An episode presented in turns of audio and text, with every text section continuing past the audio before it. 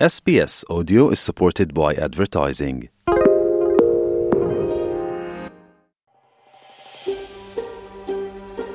លោកអ្នកនៅជាមួយ SPS ខ្មែរស្វែងរកដឹងដៅអស្ចារ្យជាច្រើនទៀតនៅលើ SPS.com.au/ ខ្មែរ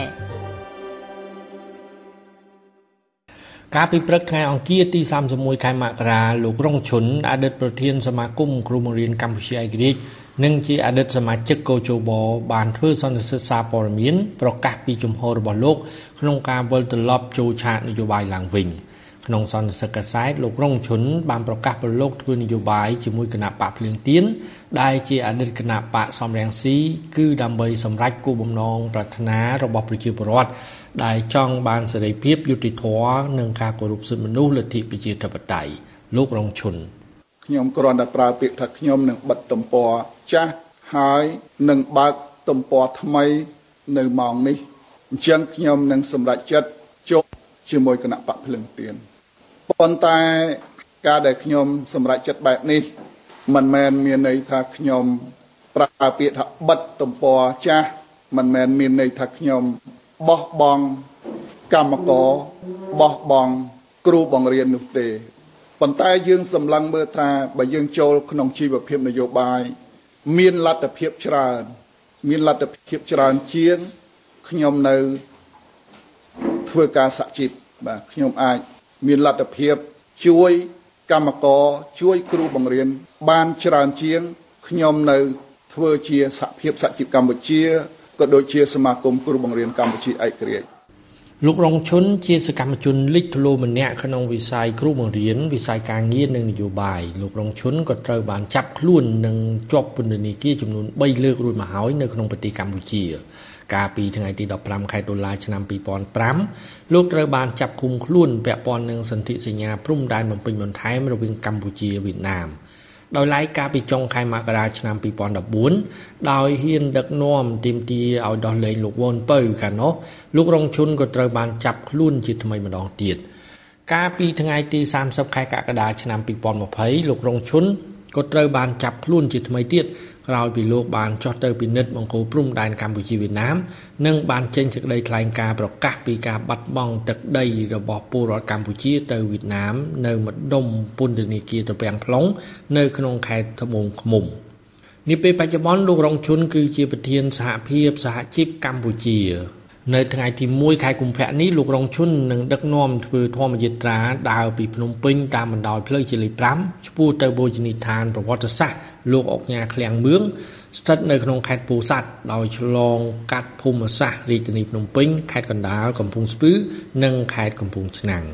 គោលបំណងនៃធម្មយាត្រានេះគឺដើម្បីលើកកម្ពស់សិលធម៌សង្គមកម្ពុជា លោកកឹមសុភិរិទ្ធ អ្នកនាំពាក្យគណៈបកភ្លើងទៀនបានប្រកាសស្វាគមន៍ការសម្រេចចិត្តរបស់លោករងឈុនដែលសម្រេចចូលរួមជីវភាពនយោបាយជាមួយគណៈបកភ្លើងទៀនចំណែកលោកសុកអេសានអ្នកនាំពាក្យគណៈបកប្រជាជនកម្ពុជាលើកឡើងថាมันមានអ្វីចម្លែកឡើយដែលលោករងឈុនសម្រេចចូលរួមធ្វើនយោបាយជាមួយគណៈបកប្រឆាំងគឺគណៈបកភ្លើងទៀនពីព្រោះថាលោករងឈុនធ្វើសកម្មភាពប្រឆាំងជាយូរណាស់មកហើយហើយនេះក៏ជាសិទ្ធិសេរីភាពរបស់លោករងឈុនដែរ លោកសុកអេសានបញ្ជាក់ថាការប្រកាសរបស់លោករងឈុនបែបនេះក៏បញ្ជាក់ថាលំហនយោបាយនៅក្នុងប្រទេសកម្ពុជាបើកទូលាយពុំមានការរឹតបន្តឹងសិទ្ធិសេរីភាពដោយការលើកឡើងរបស់អ្នកវិភាគមួយចំនួនឡើយ។សូមរំលឹកថាកន្លងមកលោកគៀមនីអតីតប្រធានសហជីពសេរីកម្មករដែលជាដៃគូចាក់ទឹកមិនលិចរបស់លោករងឈុនបានសម្រេចចូលរួមនយោបាយជាមួយគណៈបកភ្លើងទៀន ដែលទើបតែបដូរឈ្មោះពីគណៈបកសំរងស៊ីថ្មីថ្មីនេះទៀតលោកសុកហាជដែលជាបណ្ឌិតផ្នែកសេដ្ឋកិច្ចក៏បានសម្រេចចិត្តចូលរួមធ្វើនយោបាយជាមួយគណៈបកភ្លើងទៀនក្នុងនាមជាអ្នកជំនាញលើគោលនយោបាយសេដ្ឋកិច្ច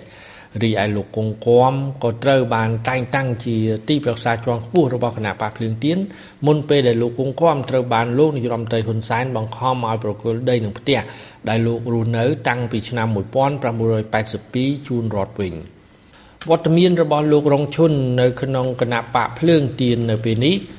គឺក្រោយពីលោកថាច់សិដ្ឋាអនុប្រធានគណៈបកភ្លើងទៀនត្រូវបានចាប់ឃុំខ្លួននៅពន្ធនាគារពាក់ព័ន្ធនឹងករណីចេញសែកអត់លុយ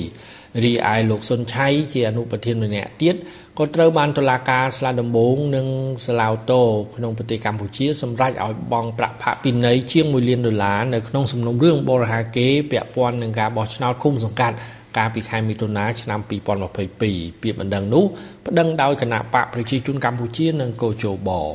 កម្ពុជានឹងរៀបចំការបោះឆ្នោតសកលជ្រើសតាំងតំណាងរាស្ត្រមុននឹងតំណាងរាស្ត្រជ្រើសរើសនាយករដ្ឋមន្ត្រី នាថ្ងៃទី23ខែកក្កដាឆ្នាំ2023ខ្ញុំម៉េងផល្លា SBS ខ្មែររាយការណ៍ពីរាជធានីភ្នំពេញចុច like share comment និង follow SBS ខ្មែរនៅលើ Facebook